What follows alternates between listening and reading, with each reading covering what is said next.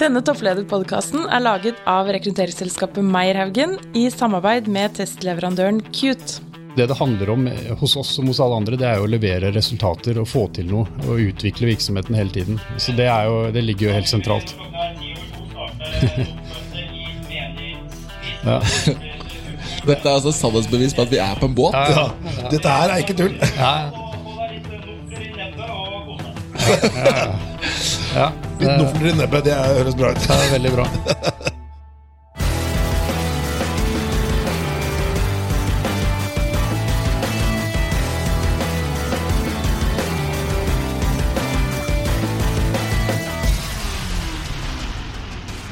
Sverre, nå skulle de ha sett oss, de som hører på oss. For maken til guttedrøm som har gått i oppfyllelse, det skal du nettlegge etter. Ja, For dette må vel være den mest uh, spennende introsituasjonen vi har hatt til en podkast, Petter? Ja, for uh, nå sitter vi altså på et av marinens uh, skip, som er fregatter. Og vi sitter her da med sjefen for marinen. Og det er Rune Andersen. Ja, veldig hyggelig å ha dere om bord. Ja, takk for det. De fartøyene her de er så mye ute i havet om dagen at det å komme hit til Oslo og kunne få, få gjester om bord, det er veldig hyggelig. Og du er intet mindre enn uh, flaggkommandør. Og det høres så veldig fint ut. Uh, og jeg bare ser på uniformen din at uh, der er det er det én stjerne og et anker og en krone, og så er det fire striper? Uh, nei, det er ingen striper der. Det er en stjerne og et anker. Ja, nettopp. Ja. Men, uh, da, men, du er da høyeste sjefen for var det 1400 personer, syns jeg jeg leste på internett? Ja, cirka. Ja, pluss uh, vernepliktige på, ja. på, rundt 600. Ja, nettopp. Ja, Sverre, og vi sitter jo da her i Er det dette er Hva heter dette rommet vi er i nå? Er det nå sitter vi på sjefens lugar, ja. som også er, kombineres som et, et møterom. Um, disse fartøyene er bygget for både å ha en eh, besetning og en sjef, men også kunne ta om bord en styrkesjef for å lede flere fartøyer. Så, så, det er en sånn skillevegg her, så det er speilvendt. Så det er to sånne sjefslugarer. Ja. Men uh, det er også brukt som det viktigste møterommet om bord for fartøysledelsen når de er i sjøen. Og vi sitter uten telefoner, for det er av sikkerhetsmessige årsaker. Har vi lagt igjen i et låst skap. Ja. Og så har vi blitt vist rundt uh, på, på dette flotte skipet, og det må jeg si er veldig imponerende, da. Eh, det vi skal prate om i dag, Dette er jo da en episode av Topplederpodkasten. Og eh, her har vi da et eh, vaskeeksemplar av en toppleder. Og tenkte vi skulle bli bedre kjent med deg, Rune. Og hvis vi hadde møtt deg på en fest, da og så hadde jeg stilt deg spørsmål og det hadde vært akkurat det beste spørsmålet. Hvor jeg hadde sånn, Hva mener du om Og det får masse energi, og du kunne prata hele kvelden om det. Hva skulle det vært? Nei, det, det, kunne egentlig vært flere ting. og jeg synes, eh, Når jeg møter folk i sosiale sammenhenger, syns jeg det er veldig lett å bli engasjert i, i det de driver med, og, og lære nye ting. Og så, videre. så jeg kan bli engasjert i veldig mye som eh, handler om, eh, om samfunn og politikk osv. Men hvis vi skal liksom, litt mer til hjertet, da, så så er jeg lidenskapelig glad i, i musikk. Eh, bruker tid på å følge med på det som skjer på musikkfronten. Er det noen spesiell sjanger? Eller? Ja, altså, Hovedsakelig kanskje en sjanger knytta til eh, amerikansk eh, roots americana-musikk. Er det Neil Young? Er du glad i det, du også? Ja, Neil Young ligger jo der som en, et fundament, men eh, det skjer jo så mye spennende innen musikksjangeren nå. Ja. Og det, og det, som er litt uh, også interessant med det, er at det, jeg opplever at den musikksjangeren der sånn i dag i USA kanskje er en vel så god kommentar til uh, utviklingen i USA som mange, mange politiske analyser kan gi, egentlig. Ja, men, og det er dette som er så veldig gøy med disse podkastene, at man får sånne tips på spennende ting. Så hvis, hvis jeg da skulle gå på Spotify da, og finne en bra et bra artist. For ja, jeg er ikke så kjent med den. Og det er så mye. Men, men uh, hvis jeg skal trekke Det er vanskelig alltid å trekke fram én eller to, men uh, jeg, nå, nå, venter vi i spenning. Jeg tror det er 7. februar, så kommer det neste albumet til John Morland. John Morland. John Morland fra, fra Tulsa. Ja. Og, og, dere kan plukke opp litt fra katalogen hans fra tidligere, men han er definitivt en som det er verdt å lytte til. Altså. Ja, men du, Da skal vi gi det en uh, sjanse. allerede i kveld skal jeg prøve på det. Jeg gleder meg. Bra. Du, Vi har også tre kjappe. De er viktige for oss når vi prater med en toppleder. Eh, Sverre, vil du gå gjennom de?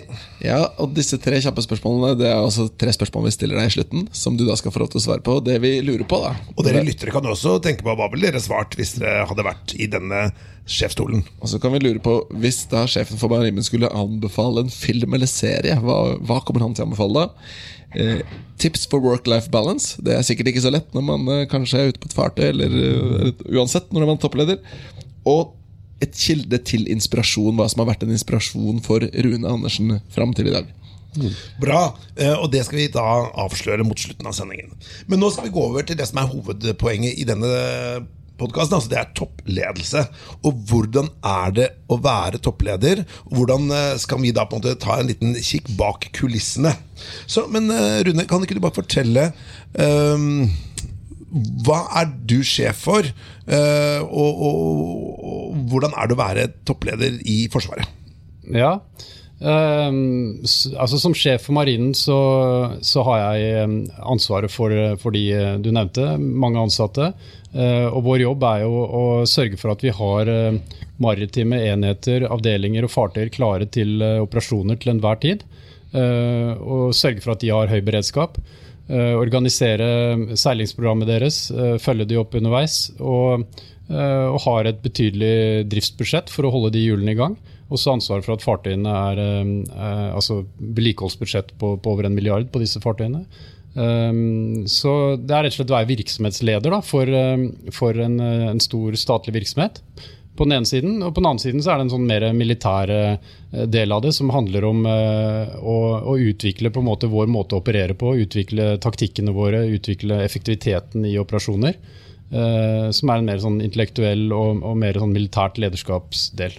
Så, så vel, vi som er ledere i Forsvaret, vi, vi snakker ofte om det at vi har to sånne distinkte roller. Det ene er å være virksomhetsleder, sørge for at dette her går ryddig og ordentlig for seg, sikkert innenfor budsjetter osv. på den ene siden. Og det andre er den der militære lederskapsdelen, hvor vi ønsker å, delegere veldig mye ut og, og, sørge for å gi gode intensjoner, slik at vi kan gi handlefrihet til de, som, de kvinnene og mennene som er der ute på havet og i avdelingen og faktisk uh, gjør jobben.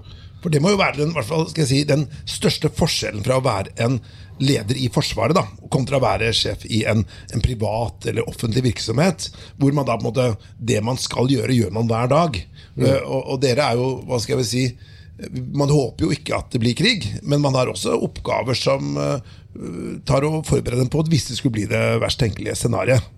Ja, eh, altså Vi er en beredskapsorganisasjon som er til eh, også for det verst tenkelige. Men samtidig så er vi en organisasjon som eh, er i aktivitet hver eneste dag. Vi, det, det, å ha maritime kapasiteter, maritime enheter ute i norske interesseområder hver eneste dag, slik at vi ivaretar våre rettigheter og ikke skaper et maktvakuum, det er viktig. Så, så ja, vi er en beredskapsorganisasjon, men virksomheten går hver eneste dag hele året.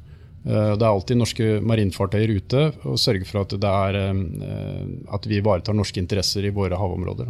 Men altså, tenker jeg at det kanskje det er en annen ganske stor forskjell mellom din rolle som toppleder versus ganske mange andre. og det er at En viktig del av hvert fall denne forsvarsbiten er vel det å samspille med andre land?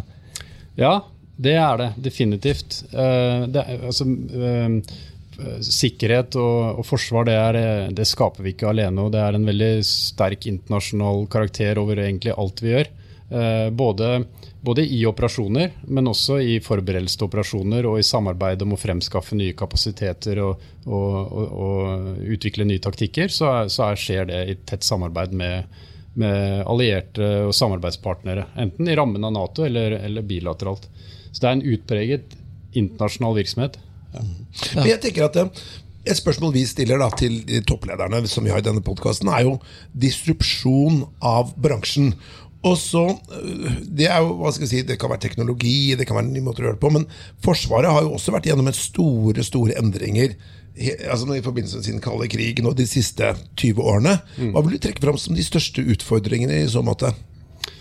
Um, Nei, altså Det har vært flere, flere viktige måte, endringsprosesser hvis du ser langt nok tilbake i tid. Men eh, kanskje trekke fram den siste endringen som har inntruffet, med en ny sikkerhetspolitisk situasjon, med, med økt stormaktsrivalisering også i våre nærområder. Eh, som har satt helt andre krav til, eh, til hvordan vi eh, styrer vår virksomhet og opererer i hverdagen. Uh, slik at Marinen seiler jo nå uh, betydelig mer enn den har gjort på veldig mange år. Uh, vi har altså understøttet da økte bevilgninger og rammer, så har vi også tatt grep for å, for å få mer ut av, av, fartøyene. De seiler mye nå, og de seiler på, ofte på veldig kort varsel. Og det er behov for at de er kampklare på kortere tid da, enn det som var tidligere. Og det, det preger hele, hele, organisasjonen nå, både sånn i forhold til hvilke prosedyrer og, og, hva vi gjør, men også mentalt. Uh, at de er ute og, så Litt sånn konkret uh, hva det betyr for noen i marinen, det er jo at de, vi har jo flere Eh, og oftere og oftere drar vi ut på kort varsel fordi det er, eh, fordi det er eh, andre ting som skjer. altså Russerne er ute, eller noe sånt, og vi skal ut og, og følge med på det. De, det å jobbe da i en, en, virksomhet hvor du får beskjed om at du, vi må ut i, i kveld, eh, og så ringer du hjem til kona og sier du, ja, jeg må ut. Hvor lenge blir du borte? Det vet jeg ikke. Uh, det, er, det, er en veldig spesiell jobbsituasjon i sammenlignet med veldig mange andre. og Det sier noe om hva det krever sånn ja, motivasjon og, og innstilling til, til jobben da, for de som jobber i marinen. Ja, klart det. Men jeg syns jeg har hørt det fra deg også, Sverre. At uh, du ringer hjem til kona at jeg kommer ikke hjem i kveld. Jeg vet ikke hvor lenge jeg blir borte. jeg tror ikke det blir helt det samme likevel. og at det blir fuktig, og det blir et sjøslag. ja, kanskje det er noen paralleller der. Jeg vet ikke. Jeg synes, jeg synes, nå syns jeg vi snakker ned eh, den tingen. Ok. Men, ja. ja, så er det kjør på. Du skal få, Siden jeg tulla litt med deg, så skal du få spørsmål, da. ja, nei, jeg tenkte På dette med disrupsjon Så er det jo interessant, fordi du kan jo si at Forsvaret på mange områder Så er det jo Forsvaret som driver disrupsjon Hvis du snakker, ser på nå ikke sant, droneteknologi, f.eks., som i mange bransjer er liksom en stor ny greie. Det, kom, det var Forsvaret som begynte med det. Mm. Eh, personlighetstester, som vi skal snakke om litt etterpå. Det er mm. Forsvaret som har utviklet metodikk på det. Mm. Så jeg, hvordan opplever du Hva skjer der nå? Hva er, det, hva er det dere jobber med å utvikle nå?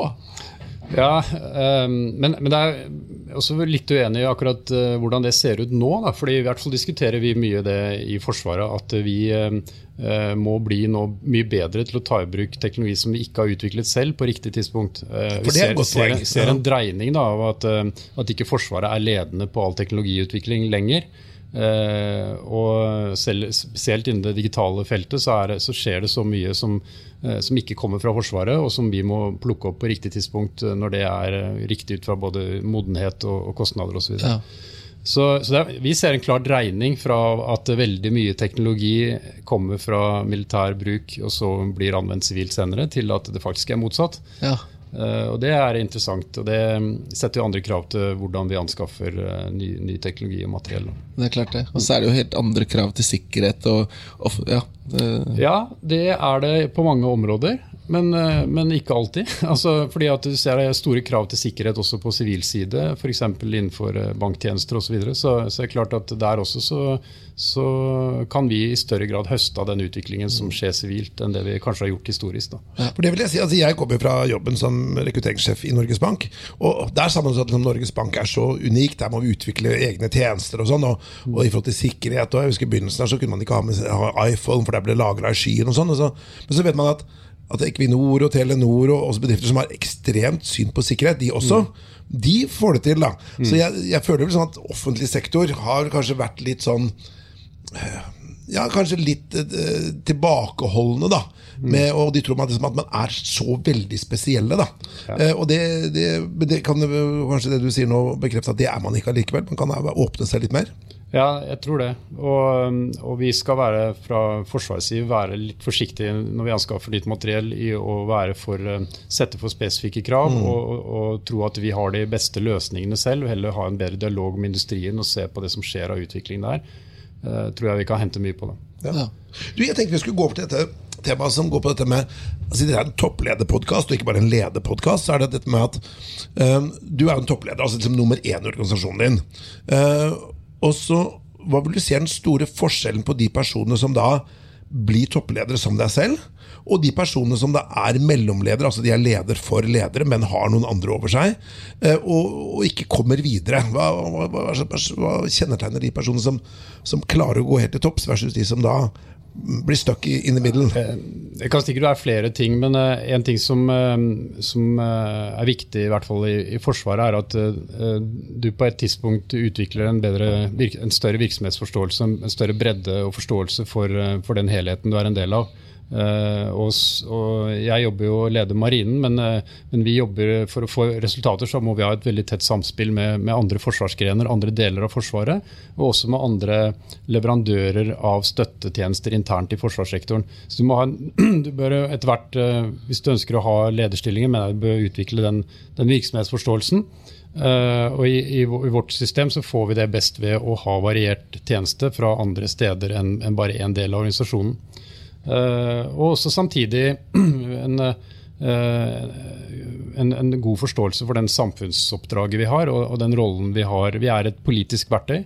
Eh, vi har, vi, vi har, bare en verdi i den grad vi bidrar til å være et sikkerhetspolitisk verktøy. Så den, den, på en måte den, den samfunnsdimensjonen av oppgavene våre den er også viktig å kunne, kunne sette seg inn i. Da. Men, ja, ja, og så er det samtidig sånn at i i, eh, i et, militært system så er det, eh, og vi driver dette med som kaller oppdragsbasert ledelse, så er vi veldig opptatt av dette med, med tillitsdimensjonen mellom, eh, mellom, teamene og lederne. Og så, så, du kommer da ikke helt i mål uten også å ha, ha, praktisk erfaring med å ha ledet maritime styrker eller ledet militæroperasjonen på et eller annet nivå. da. Eh, så Du må også ha en militær troverdighet for å kunne, kunne lede. Og så må du plusse på med virksomhetsforståelse og, og forståelse for samfunnsrollen, tenker jeg. Og, eh, eh, da du var ung, da, ja. før din karriere, var det da sånn at du, hvis, hvis noen hadde kommet og fortalt deg at du, Rune, du skal bli sjef for Marinen, hva hadde du tenkt da? Nei, det, det, var, det, hadde vært uh, helt uh, utenfor det jeg satt og tenkte på da, tenker jeg. Altså, det, det, er ikke noe jeg har hatt som et langsiktig mål i det hele tatt. Og jeg har stort sett levd og, og, vært all in i de jobbene jeg har hatt, på ulike nivåer over mange år. og ikke siktet så veldig langt frem noen gang, egentlig. så det har, vært, det har vært sånn det har fungert for meg. Eh, jeg har ikke Og jeg, jeg, går heller ikke nå og tenker så veldig mye på hvilken jobb jeg eventuelt skal ha neste gang. Nei. Men, kan jeg spørre deg, siden Vi jobber jo med rekruttering. Da må jeg spørre Den jobben du har i dag, da ja. ba du om å få den? altså Søkte du, eller var det noen som kom og spurte deg? Ja, vi har, vi har et system hvor vi kalles at vi leverer villighetserklæring. Vi, vi, sier oss villige til å ta en jobb. Det betyr i praksis at vi søker og konkurrerer om den. Ja. Spennende. Ja. Men du, jeg tenker på uh, dette her med mm, lyst til å prate litt med, med mellomledere. Er det sånn at du kan da se på dine mellomledere, for du har ganske mange uh, offiserer da, uh, i, under deg. Og, så kan du tenke at hun og han og hun De har det som skal til for å kunne bli en, en toppleder. Mm. Mens de har det ikke. Er det, så, er det så konkret at du kan nærmest se det? Uh, ja, Vi forsøker å være litt systematiske på det. Og har, uh, har uh, et sjefskollege hvor vi samler, samler, opp disse kandidatene og diskuterer gjennom de, og gir dem noen råd tilbake til hvordan de skal videreutvikle seg og eventuelt søke den breddeerfaringen som jeg var innom. Så vi forsøker å ha en, en systematisk sånn, si, talentspeiding på de som skal opp til, til midler og høyere nivå i, i, i Sjøforsvaret og i, i Forsvaret. Ja. Og I tillegg til denne helhetsforståelsen, er det andre ting du ser etter da? Uh, det, er, det, er, en ting som, uh, altså det det handler om eh, hos oss som hos alle andre, det er jo å levere resultater og få til noe. Og utvikle virksomheten hele tiden. Så det, jo, det ligger jo helt sentralt. ja. Dette er altså sannhetsbevis på at vi er på en båt. Ja, ja. Dette her er ikke tull. Ja. ja. Litt nofler i nebbet, det høres bra ut. Ja, veldig bra. Um, nei, så det, så det, handler jo om å, også, å finne kandidater som kan gå inn i nye roller og levere resultater og videreutvikle den, den virksomheten de skal inn i. Da. Ja. Ja. Og, det, og, det, er jo sant, i, som skiller meg fra mange av de andre flinke folkene jeg har hørt dere har hatt her tidligere. Da, så, så, er det jo vi, vi har jo Eh, rammer for virksomheten vår. Altså det, det, er ikke opp til oss å bestemme om vi skal investere i flere fregatter osv. Vi har rammer for hvordan vi Så, så det å i en sånn statlig eh, og relativt styrt eh, virksomhet allikevel søke det mulighetsrommet og søke å finne måter å gjøre ting litt bedre på hele tiden, de kandidatene er vi jo ute etter.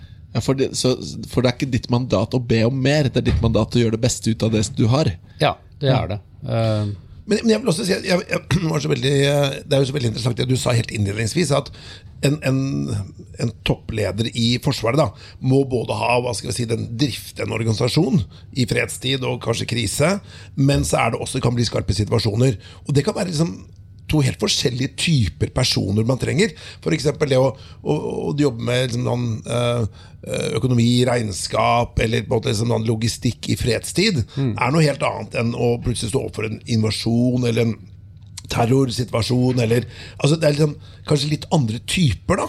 Ja. Eh, hvis du skulle velge, da og du måtte velge én person som da enten var ekstremt god i fredstid, mm. men du hadde ikke så tro på den personen i krigstid, eller i strid, da, mm. eller motsatt. Mm. Hva, hva ville du valgt da? Nå er, nå er, jo Forsvaret og, og også Marinen eh, heldigvis såpass stor da, altså at det er plass til ulike talenter i ja. ulike lederroller, egentlig. Eh, fordi vi må, ha, vi må, ha, god orden i økonomien vår. og vi må ha ja. sånn, så det, det, finnes jo gode lederroller til de som er sterke på det ja. administratorfeltet. Eh, men, men Eh, og, og, Egentlig så er svaret begge deler. for Du, du overlever ikke som leder i, i, Forsvaret hvis ikke du både har den militære delen og mm. samtidig har orden i systemet. Da. Ja, ja. Men for, Hvordan får man testet om man er god? Altså Man har jo øvelser og sånn. Jeg har selv vært i militæret og vært på mye øvelser, men, men det er vel en sånn, en sånn gammelt ordtak som sier at eh, krigsplanen eller stridsplanen ja. overlever ikke krigens første dag. Ja. At, at, man forbereder seg på én ting, og så blir det noe helt annet. Mm. Så man vet jo egentlig ikke hvordan man, disse personene som dere rekrutterer, hvordan de vil oppføre seg i strid.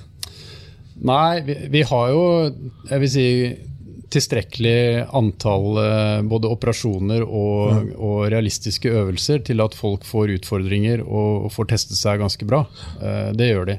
Altså, du, du, er allikevel inne på et poeng. Jeg, jeg, jeg, tror det er skrevet ganske mye om dette her også, liksom fra krigshistorien, og sånn, hvor man har sett på hvilke, hvilke ledertyper som vokser frem ja. i, en, i krigstid. Da, og at, ja. det, at, det, skiller seg fra hvordan det er når landet har vært lenge i fred osv. Så, videre. ja, så det, det, er helt klart inne på det.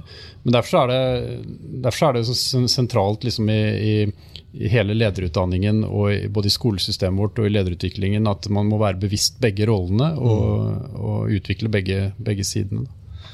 Men hva, hva, vil du si er den, fra, fra, de rollene du har hatt før, da, opp ja. til nå å være på toppen av organisasjonen, hva er den største forskjellen på det å være mellomleder og toppleder i Marinen? Um, nei, altså det, det, er en, det, er en, jobb uh, hvis man, hvis, man skal, eh, hvis man, søker en sånn utfordring og ønsker å, å, ta det ansvaret, så må man være, være all in. Altså, man, eh, man, må ønske, gå inn i det med, med, hele seg og forsøke å gjøre det man eh, kan for å få resultater i den, den tiden man får i en sånn rolle.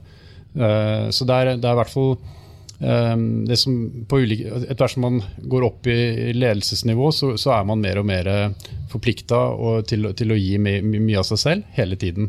Eh, det, det, er kanskje en stor forskjell, syns jeg. Det, hvis man har en, eh, en mer avgrensa ansvarsområde, så, så, kan man på en måte disponere mer av tid og, og, og, og engasjement på egen hånd. Så det var noen samtaler med kona før du leverte villighetserklæring? Ja, det var det definitivt. Eh, det er en, dette er ikke en jobb jeg kunne hatt uten at det, vært, at det hadde vært en forståelse vi alle hadde hjemme, og godt teamwork og, støtte derifra. Ja. Men er det et åremål? Ja, det er det. Uh, alle lederstillinger i Forsvaret er en slags årmål. Ja. Uh, vi har de normalt imellom to og fem år. Ja. Og så er det ganske lite altså, I hvert fall fra mitt nivå og oppover da, så er det ganske få individer det er snakk om. Så det er lite økosystem, egentlig. Ja. Så, så, det kommer da an på når det er behov for å trå til et annet sted. Altså, ja. Vi har En tidligere person som vi hadde med i podkasten, var jo uh, Frode Christoffersen, som da er sjef for uh, FSK. Uh, I hvert fall tidligere sjef for FSK. da. Mm.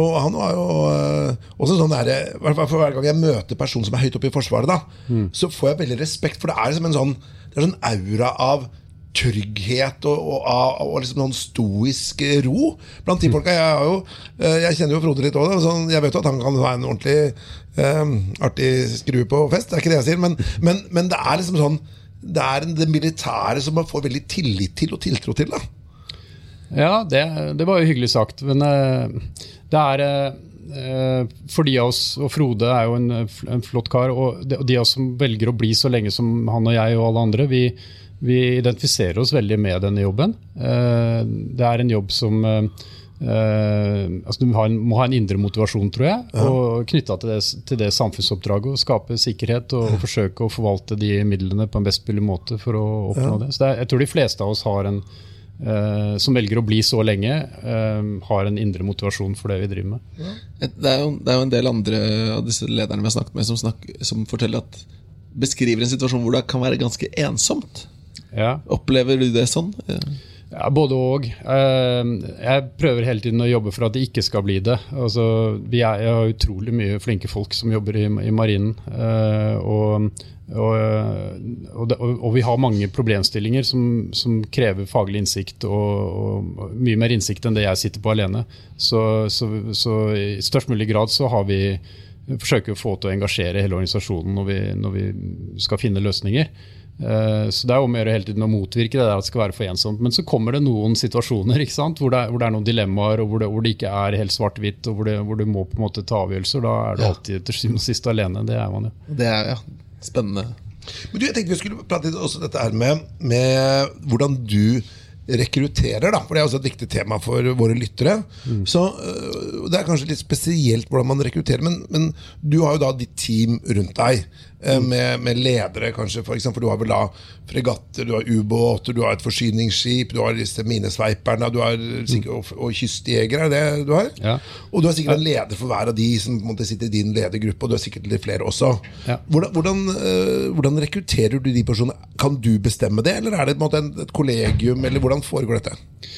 Nei, de, som, eh, de som jobber eh, i marinen, eh, de, de har jeg på en måte en saying på, på, på rekruttering og opprykk osv. Men når de kommer opp til et, et visst nivå, fra liksom oberst kommandør og oppover, så må vi ta litt flere hensyn. For da skal de også velges ut på bakgrunn av det potensialet de har til å ta andre lederstillinger Ja. etter det. I andre deler av Ja, Forsvaret? så, ja. Så, da, så da handler det om litt mer ting enn at de er flinke akkur bare akkurat der og da. De må også kunne ha et potensial til, til å gå videre osv. Men innenfor, eh, innenfor marin så, vi, så rekrutterer vi internt uh, våre egne ledere. Um, og vi er jo i den heldige situasjonen at de fleste lederstillingene hos oss, så, så, så kreves det at du har, eh, har lang eh, fartstid, erfaring med det faget. Eh, driver akkurat nå og ser etter ny sjef for ubåttjenesten, og det er jo utenkelig at ikke det vedkommende har lang erfaring fra ubåt. ikke sant? Kommer ikke fra toppsjef som Orkla. Der. Nei. Nei, så, men det betyr jo at eh, eh, når vi da skal rekruttere, så har vi egentlig et veldig godt grunnlag. Vi har gjerne, de har gjerne vært på intervju, kall det det, i 20 år. Altså, vi har sett det i, i mange ulike situasjoner. Eh, men samtidig så, er, så kjører vi intervjuer og så, videre, så de får anledning til å presentere hva de har av, av ambisjoner for den utfordringen. Da. Og det er så mange spørsmål jeg har rundt det her, som er spennende. Men en, en ting jeg lurer på, og det er relatert til feilrekruttering.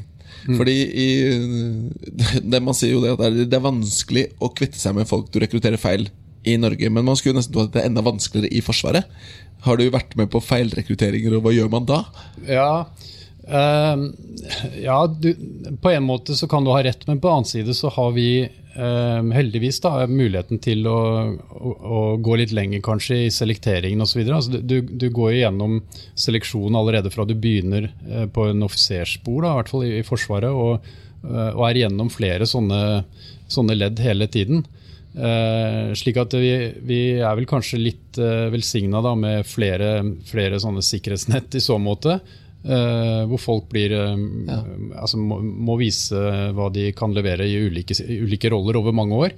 Uh, og bare den seleksjonen vi har i bunn, hvor, vi, hvor vi plukker ut de som vi vet har eh, potensialet for å kunne både samarbeide godt og, og, og ta, ta nye utfordringer og ta til seg ny kunnskap raskt osv. Det, det, det er jo en kapital vi har med fra starten. Nå ser jeg Petter sitter og tripper her for å spørre noe, men det, men jeg har lyst til å spørre først da Ja. Er det ikke da sånn at du nesten har bestemt deg før du kjører prosessen? Siden du har hatt dette 20 år lange intervjuet?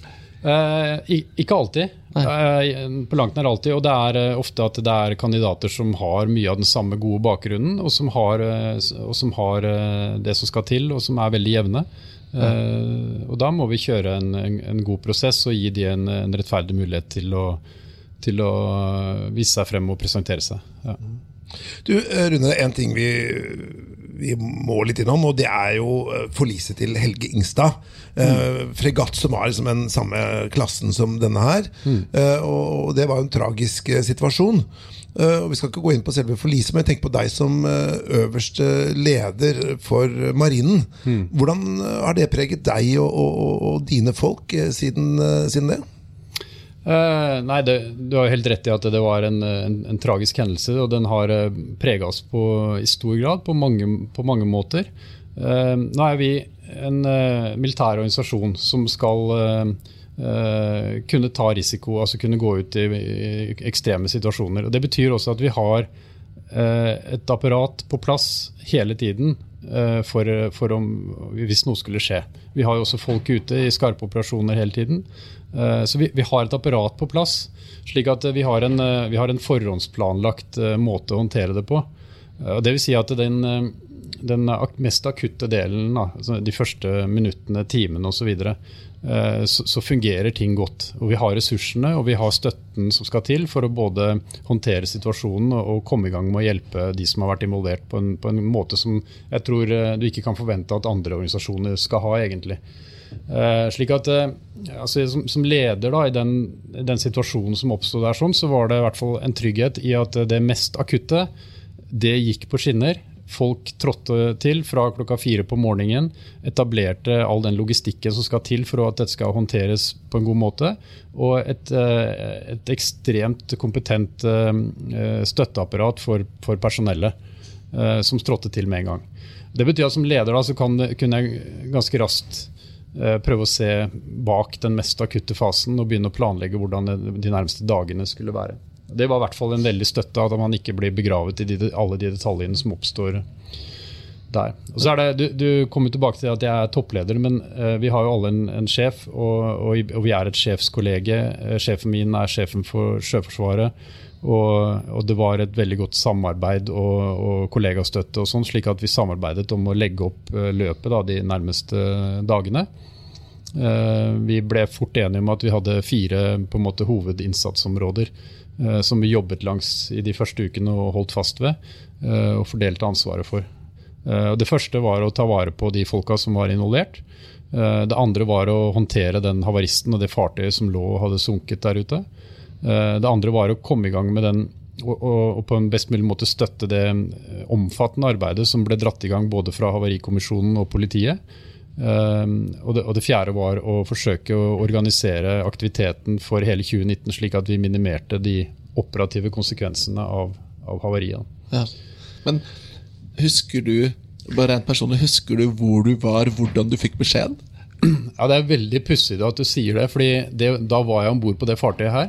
Vi, vi, var, eh, vi var eh, noen nautiske mil eh, sydvest av Bodø.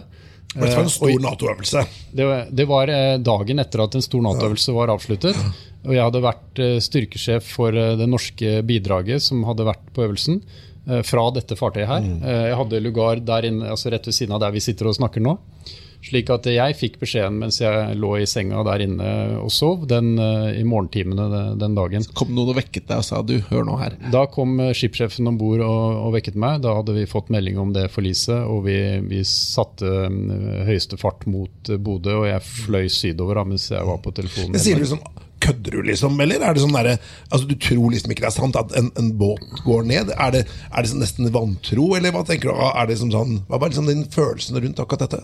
Um, nei, det, det er skjellsettende. De første bildene så hadde den ikke sunket. Da sto den i fjærsteinene, ja. sånn, men du så jo med en gang hvor dramatisk det var, og de hadde forlatt fartøyet ganske raskt. så det Um, det, var, det, var, helt tydelig med en gang at dette er veldig dramatisk. Um, og fikk de første bekreftelsene på, på telefon på at apparatet var i gang med å jobbe nede i Bergen for å, for å håndtere det akutte. Uh, og kom meg ned til, til Bergen. Når jeg, når jeg, kom ned, så var besetningen samlet i, i mottakssenteret som vi hadde etablert inne på basen Uh, og jeg fikk en mikrofon i hånda, stilte meg opp på en stol og, og snakket til de da. Og da var det jo klart de var veldig preget av dette her. Uh, men samtidig så var det jo uh, helt, helt, fra da en, en, besetning som tok godt vare på hverandre, og som hadde et veldig sterkt samhold å bygge videre på når de skulle bearbeide hendelsen. Ja. Vi, vi, må nesten gå litt videre på personlighet. For, ja. for, å spørre da, for å ta det som en innledning, da. Hva skjer med Rune når han får den beskjeden? Hva slags modus går du inn i da? Um, nei, jeg, jeg, begynner å tenke veldig mye på, på, ting som må gjøres. Altså Ting som skal, skal, skje for at vi skal kunne ha fremdrift og komme videre. Det går som treninga tar over? Ja, Jeg vet ikke om jeg har trent på akkurat det der, da. Men, eh, men eh, jeg må si også egentlig når jeg, jeg kom til denne jobben, så så hadde jeg en gjennomgang med meg selv på at nå har vi fartøyer ute på mange verdenshav, holdt jeg på å si. Vi har ubåter i Barentshavet hele tiden osv. Det er en virksomhet jeg leder nå hvor ting kan skje. Altså, det, det må man være forberedt på. Så er del, de, de praktiske forberedelsene de, de, er institusjonalisert, som jeg sa, men man må være forberedt på at dette er ikke en jobb hvor, hvor man har noen garanti for at er, hver dag er lik. Da, si sånn. Men er det greit jeg fortsetter litt? Ja, det må jeg si, eh, men jeg må bare si at Dette er jo da en podkast som er i samarbeid med testleverandøren KUT, og vi da baserer disse spørsmålene på deres Test Shapes Executive. Ja, og, og, Jeg har lyst til å begynne å snakke litt mer om personlighet, Rune. Hvis du skulle Hvis du ser deg selv i speilet, da, for å si det sånn, hvordan vil du beskrive deg selv som type, som personlighet? Nei, Det er øh, vanskelig spørsmål, det, så klart. Men jeg, jeg, tror jeg lett engasjerer meg i ting og har vanskelig for å sitte og, og, og, se på, men ønsker å være engasjert og være med og delta og påvirke og ta ansvar. Um, ja, uh, ofte uh, litt utålmodig uh, på, på, at ting skal skje. Det, det, må jeg jo noen gang jobbe litt med. Fordi, fordi det en, I dette tilfellet her sånn, så er det jo en omfattende virksomhet. Så det er ikke alt som skjer i det øyeblikket man ønsker at det skal skje. Så det man må, må på en måte være litt tom, jeg må prøve å jobbe med å være mer tålmodig. Men utålmodig og ønsker å være med og engasjere uh, folkene og, og påvirke. Ja. ja. Hvis, hvis, vi hadde gått og snakket med din fru, da, ja. som, eh, som, jo har gått med på at du har tatt den jobben der, ja. hvordan ville hun beskrevet deg, tror du? Uh, nei, Kanskje ville beskrevet meg som litt distré, for jeg bruker kanskje for mye av konsentrasjonen på, på, på, det som skjer på jobb. Men uh, Eh, så det kan være at hun hadde tenkt at, uh, at jeg var litt distré. Veldig interessant. Eh, I denne personlighetsmodellen som da Qt har Shapes Executive, så er det noen trekk som, som man mener liksom er signifikante for ledere. Da, særlig ja. toppledere, kanskje. Et av disse trekkene er det å være hensynsfull. Mm. Når man ser for seg en militær leder, så ser man jo fort for seg noen som peker med hele hånda. Hvor mm. viktig mener du omsorg er i, i ditt verv, ditt virke? Jeg, mener det er veldig viktig. Uh, vi krever utrolig mye av de folka som jobber for oss. Uh, og vi må, vi må, vise, vi må ha omsorg for dem. Vi, vi utsetter dem for, uh, for ja, belastninger i, i måte av fravær fra hjemmet og ekstraordinær innsats osv. som gjør at det er helt naturlig å vise omsorg. Og, og de folka som jobber her, de, det er sånn at man blir litt sånn oppriktig glad i dem fordi at de gir så mye av seg selv. Eh, så jeg tenker at Det du sier der, er mer en sånn militær, eh, på en måte en fordom mot militært lederskap, egentlig. Altså. Eh, og, jeg, og, og de, de, som er, har vært deployert også i, i, veldig vanskelige situasjoner, de, det er klart de må ha omsorg for hverandre, egentlig. Ja. Ja. Men jeg tenker sånn, i forhold til det med personligheten, da, er det sånn at man kan da se at personligheten til toppleder i militæret da, har endret seg. At, du, at, man er på jakt etter litt andre typer nå enn man var før.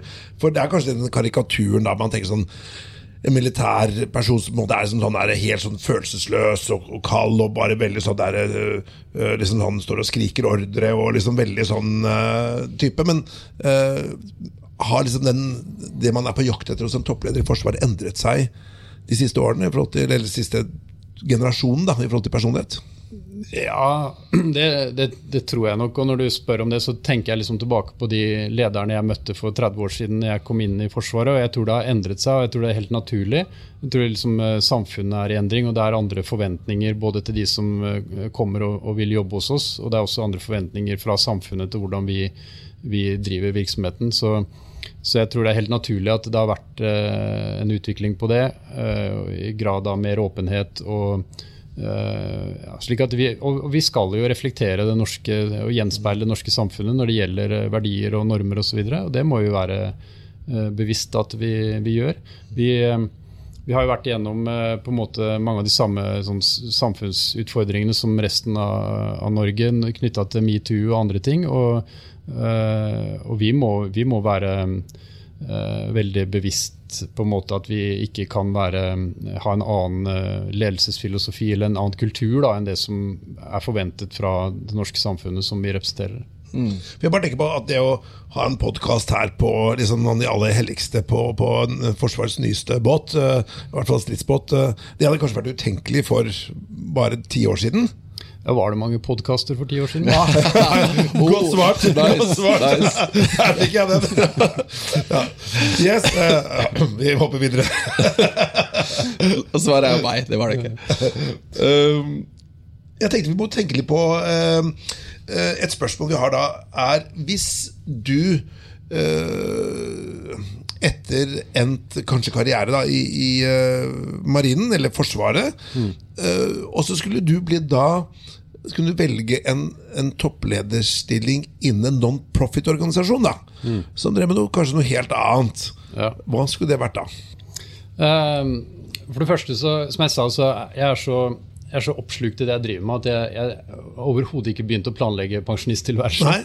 Men, eh, men eh, det er jo en faktum fortsatt da, at vi har en, en særaldersgrense, så vi går av ganske tidlig. De fleste ønsker å gjøre noe etter at de er ferdig i Forsvaret. Det kommer sikkert jeg til å gjøre. og da da, da kan det være så mangt. Jeg, dere spurte meg hva jeg brenner for innledningsvis. Jeg kunne jo skrevet opp friluftsliv på den listen. der, sånn. Jeg er veldig glad i å være ute. Eh, Så, så roller knyttet til det hadde jo vært veldig Jeg kunne tenke meg å gjort noe helt annet. enn- enn Robert det. Mood han ble jo sjef i Røde Kors. Ja, det, og det, så det er jo veldig interessant eh, Ja. det også. ikke sant? Altså Humanitært arbeid er jo eh, Og det har jo ofte et sånt operativt tilsnitt over seg som, eh, som gjør at vi kanskje kan brukes. Men hvis, hvis jeg skal liksom oppsummere litt her et inntrykk jeg får, så er det jo øh, det, det å gå inn i den jobben du har, det er jo et, et form for offer. Det er et, du skal committe deg veldig til jobben. Og Er det et kall? du, ja, du, du framstår som ganske verdidrevet. Er det, hvis jeg hadde spurt gutta, da kompisgjengen din, om du var det, ville det rista på huet, eller ville du vært enig?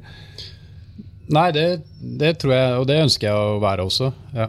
Det tror jeg definitivt. Og eh, som sagt, jeg tror det er veldig viktig at vi er connected med omgivelsene våre og, og, og forstår normer og verdier som, eh, som det er forventet av oss. Det er viktig for legitimiteten til Forsvaret. Ja. Men um, Men bare et spørsmål her. Et sånn klassisk lederspørsmål er at Tror du at du kan være toppleder for hva som helst? At liksom, liksom lederskapet er så universell verdi? da At du kunne ledet en privat bedrift, en offentlig bedrift, en NGO, egentlig hva som helst? Eller er det stick to your guns? Um, jeg, jeg tror, det er, tror det er noen sånne fellesting man kan ta med seg som handler om ledelse og det å, å, å søke utvikling og resultater.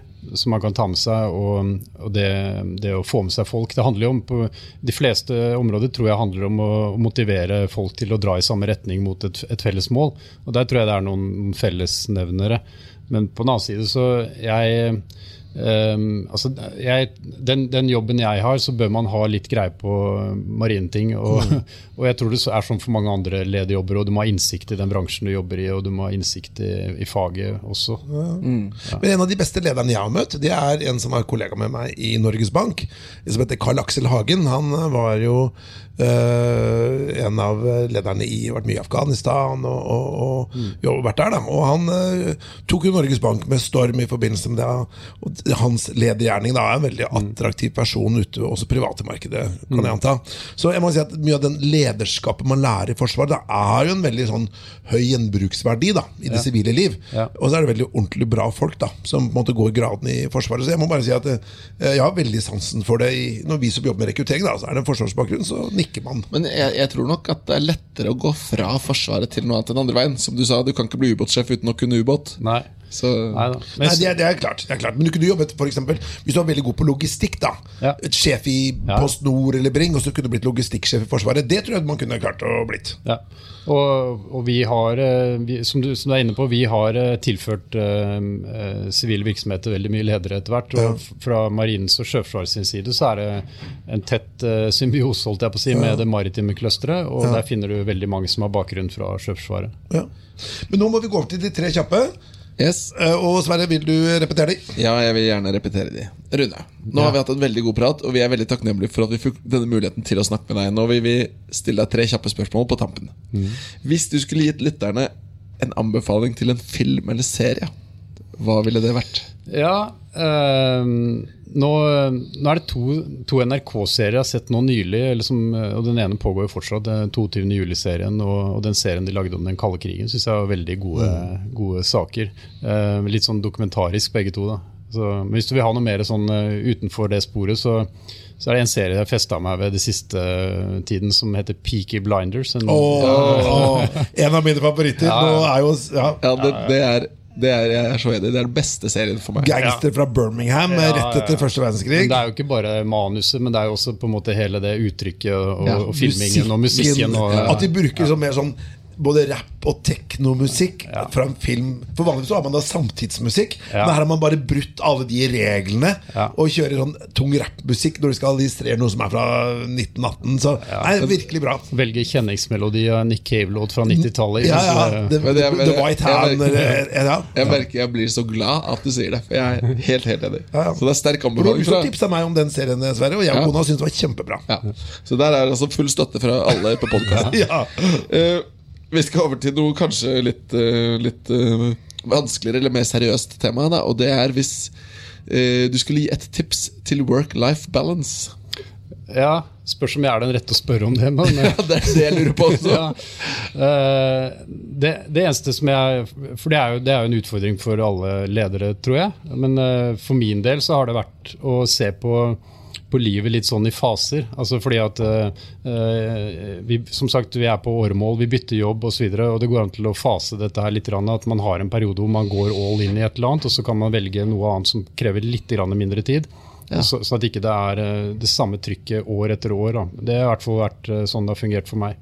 Jeg syns det er et kjempegodt tips. Jeg. Ja, og det er jeg enig i. Og så tenker jeg at du er jo da øverst i marinen, og er sannsynligvis mest på land. Eh, men la oss si at hvis du har dine folk som er mye ute på sjøen, da. Og marinen er jo såpass eh, sånn, eh, en utfordring i så måte, for man kan jo være kanskje ukevis eller kanskje måneder, for alt jeg vet. hvis- Spesielt hvis du har internasjonale operasjoner. da Og å få noe work-life balance der når du er langt til havs, det er jo ekstrem utfordring. Ja.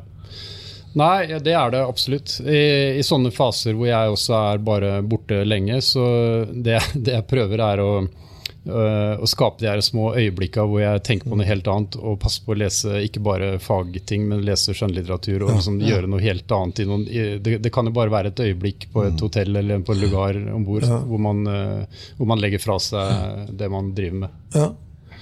Bra. Et siste spørsmål, Reda. Um, og det er Hvor finner du inspirasjon? Et tips på en kilde til inspirasjon. Ja, ehm, det er kanskje det vanskeligste spørsmålet. fordi i forhold til, eh, i forhold til, til den jobben jeg og sikkert mange andre ledere har, så, er- så er det en eh, utfordring å hele tiden holde seg oppdatert. Både alt fra, fra teknologi til, eh, til politikk og andre ting må holde seg oppdatert. Sånn at man blir veldig fort eh, At det man leser er veldig fagorientert. Eh, så det, er det, jeg, det er jo det jeg bruker tid på sånn lesemessig. Det er rett og slett å sørge for at man er current på det som skjer i omgivelsene og i andre mariner osv. Uh, og det er jo ikke et særlig spennende svar. Men eh, jeg har også reflektert over det at nå er jeg over 30 år i, i marinen, og i løpet av en sånn tid så, så får man inspirasjon av, av de lederne man har hatt, og de man ser også ved siden av seg. Og og hvis jeg ser på alle de årene, så har jeg hatt både veldig gode og veldig dårlige og, og ledere, og ledere som har gjort en middels eh, på en måte jobb. Men jeg, jeg, tenkt på at jeg har egentlig lært like mye av de dårlige lederne som av de gode. Ja. Ikke gjør dette. Ja, for det er kanskje en vel så viktig lærdom å se effekten av, av ulike typer lederskap. Da, og, Men det er jo nesten noe vakkert det svaret. Hvor finner du inspirasjon? Hos de dårlige lederne jeg har hatt. Jo, men jeg, jeg, jeg liker jo det svaret du sier. Ja. Da, da kan- du fast forward en, et problem. Da. Jo, men da går det den veien. Mm. Og, så ikke selv om det kanskje kan være altså, den minste motstandsvei, eller gå utenom seg bøygen nei, i forhold til Per Gynt, så sier jeg nei, ikke gjør det, for du, du må betale med renters rente Mm. Ja, ja. ned i veien. Ja.